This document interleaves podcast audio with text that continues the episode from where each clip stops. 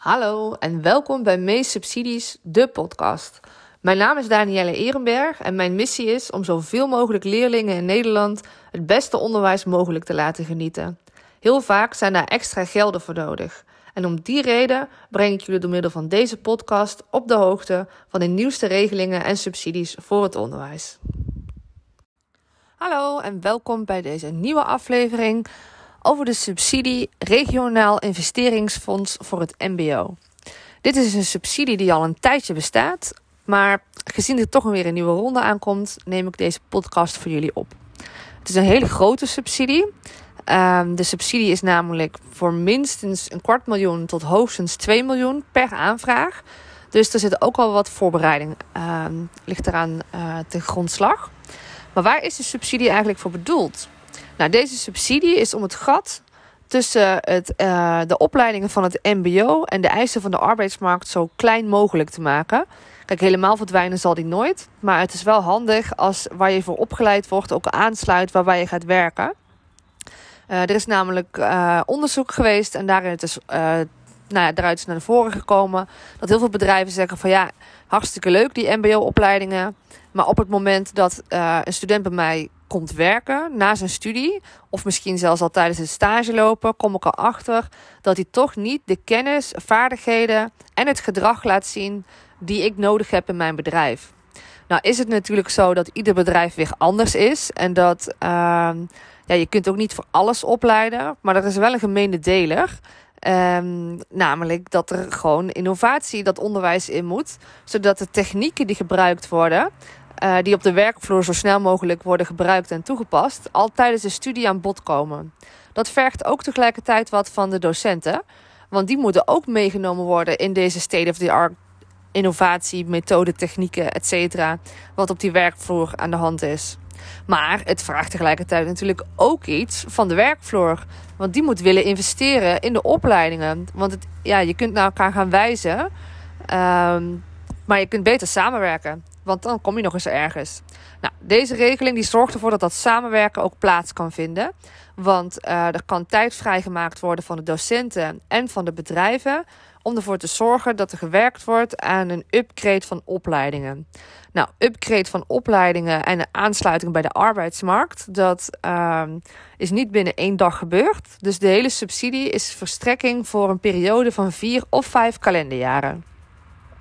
Nou, het MBO vraagt aan, dus dat is uh, al iets wat heel erg uh, handig is om te weten. En je moet uh, op een van de vier thema's moet er een aanvraag geschreven worden.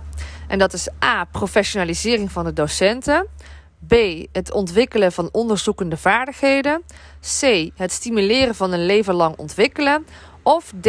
Het verbeteren van de aansluiting op de arbeidsmarkt van jongeren in een entreeopleiding in het MBO.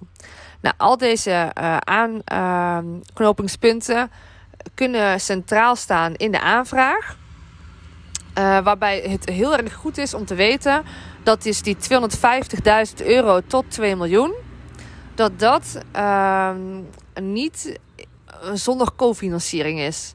Dus ehm, waar je vanuit kan gaan is dat de cofinanciering dat die uh, twee derde is. Dus als je een uh, kwart miljoen aanvraagt, dan is de hele, het hele project 750.000 euro. Um, dit kunnen zowel uren zijn als het uh, ter beschikking stellen van apparatuur, maar ook uh, gewoon het in cash geld. Kijk, daar zitten weer allerlei restricties aan vast. Daar ga ik in deze podcast niet op in, want dat is voor iedere situatie zo specifiek dat als ik me hier ga wagen aan van, oh, dan moet je hier, hier en hier aan denken. Uh, dat jouw situatie misschien net wat anders is. En dan denk jij dat je er misschien geen recht op hebt, terwijl het misschien weer wel zo is. Dus waar ik wel even op inga, is um, hoe stel je nou zo'n consortium samen? Nou, zoals ik zei, het MBO vraagt aan, maar je mag meerdere onderwijsinstellingen betrekken. Je mag arbeidsorganisaties betrekken, uiteraard het bedrijfsleven, maar ook het georganiseerd bedrijfsleven. Denk aan ONO-fondsen, eh, regionale overheid, de gemeente, uh, andere MBO-instellingen, andere HO-instellingen, maar ook andere partijen die bijdragen aan de verbetering van de aansluiting van het MBO-onderwijs op de behoeften van de arbeidsmarkt. Wat in ieder geval voorwaardelijk is, is in ieder geval één onderwijsinstelling en één arbeidsorganisatie. Het is ook mogelijk trouwens dat er arbeidsorganisaties uh, nog niet deelnemen aan het uh, samenwerkingsverband, maar later uh, toegevoegd worden. Ehm, dat, dat is mogelijk. Nou, wat je moet gaan opleveren voordat je de aanvraag gaat indienen, is een regionaal visiedocument, een plan van aanpak, een meerjarenbegroting, samenwerkingsovereenkomsten en een uh, samenvatting van het geheel. Een, regionaal visiedocument. Uh, dat is eigenlijk een, uh, ja, de visie die alle partijen in het verband hebben op de arbeidsmarkt en de aansluiting in de regio. Dus je moet van jezelf gaan bepalen wat is de regio waarvoor wij opleiden en hoe zit het daar uh, met de aansluiting op dit moment. Hebben de bedrijven op dit moment de studenten met de kennis, vaardigheden en het gedrag wat ze willen? En is er ook voldoende werk voor ze? Want als we nog bijvoorbeeld eh, 680.000 kappers gaan opleiden voor een kleine regio, dan heeft dat niet heel erg veel nut, zeg maar. Dus dat is een, um, een afweging die zeer belangrijk is in je visiedocument. Ook is het belangrijk om de kwaliteitsagenda van de onderwijsinstelling hierin op te nemen. Die kwaliteitsagenda is ook uh, in het MBO voor een aantal jaar bepaald. En daar staan eigenlijk de, de, de lijnen in die, de, die het onderwijs volgt. Dus dat moet ook wel op elkaar aansluiten. Want anders dan heeft dat ook niet zo heel erg veel nut. Um, verder ga je in op uh, de partijen die deel gaan nemen. En op hoe je voort gaat bouwen op bestaande regionale en sectorale agenda's. Het is dus best wel een belangrijk document om voor te bereiden. Dus zorg er ook voor dat je daar mensen op hebt zitten die goed zijn in het analyseren van uh, zowel deze documenten, de trends en de cijfers die geldend zijn voor deze regio. Denk hier ook niet te licht over. Je bent hier echt wel een tijd aan kwijt om dit voor elkaar te krijgen. Hetzelfde geldt voor je plan van aanpak, die je overigens na je visiedocument pas gaat schrijven. Want het plan van aanpak is weer daarop gebaseerd. En uh, nou, daar ga je in op je activiteitenplan, de doelstellingen, hoe je het gaat vormgeven. Dus de governance, wie heeft waar over wat te zeggen. Um, welke crebo's ga je toevoegen? En uh, wat is de verdeling van taken? Wat zijn de risico's? En uh, ook niet onbelangrijk, hoe ga je het borgen? Want dit is natuurlijk een project van vier tot vijf jaar. Maar wel met de bedoeling dat je dit uh, tot in den treuren natuurlijk gaat uitvoeren. Ik zeg tot in den treuren. Ik bedoel het natuurlijk super positief. Dat je daar gewoon met elkaar over nadenkt van wie gaat welk deel uh, betalen, vormgeven. Blijft bijvoorbeeld een werkgroep bestaan, zodat de bedrijven continu input blijven leveren op de opleiding, zodat er gezamenlijk eigenaarschap blijft. Uh, dat is ontstaan tijdens deze samenwerking. Of uh, nou ja, hoe ga je dat met elkaar fixen? Overigens moeten de onderwijsinstellingen hier natuurlijk ook een, uh, een, een, deel in uh, betekenen. Nou, die samenwerkingsovereenkomst is eigenlijk niks meer of minder dan van... goh, dit is wat we af afgesproken qua in-kind en wat iemand uit het project gaat krijgen. Nou, de beoordelingscommissie die gaat deze aanvragen beoordelen. En uh, die gaan uh, best wel diep op alle materie in. Zoals ik al zei, het is echt een hele mooie manier om echt een impact te hebben. Maar om impact te kunnen hebben heb je heel veel middelen nodig.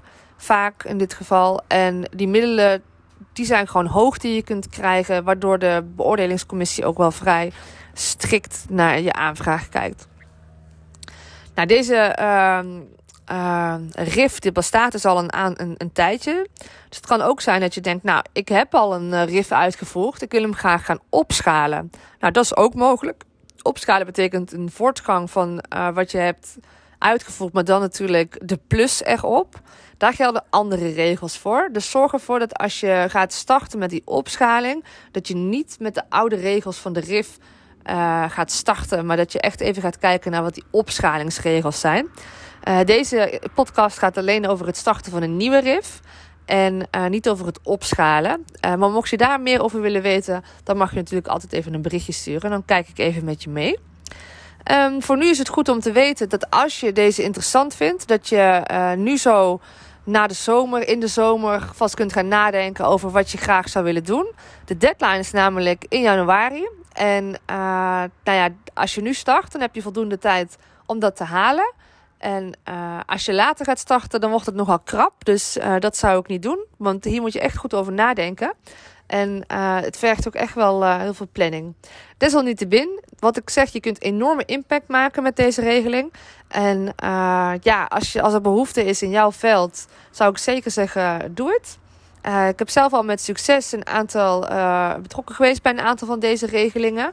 Eentje is zelfs als good practice benoemd door minister van Engelshoven. Dus uh, mocht je vragen hebben, dan uh, kan ik je zeker helpen. Je kunt een voice message achterlaten of je kunt me een mailtje sturen naar danielle.mees-subsidies.com. En Mees schrijf je M-A-Z-E. Ik wens jullie weer een hele fijne dag en ik hoop jullie geïnspireerd te hebben met deze topregeling, waarmee je dus echt een hele grote impact kunt maken. Tot de volgende keer.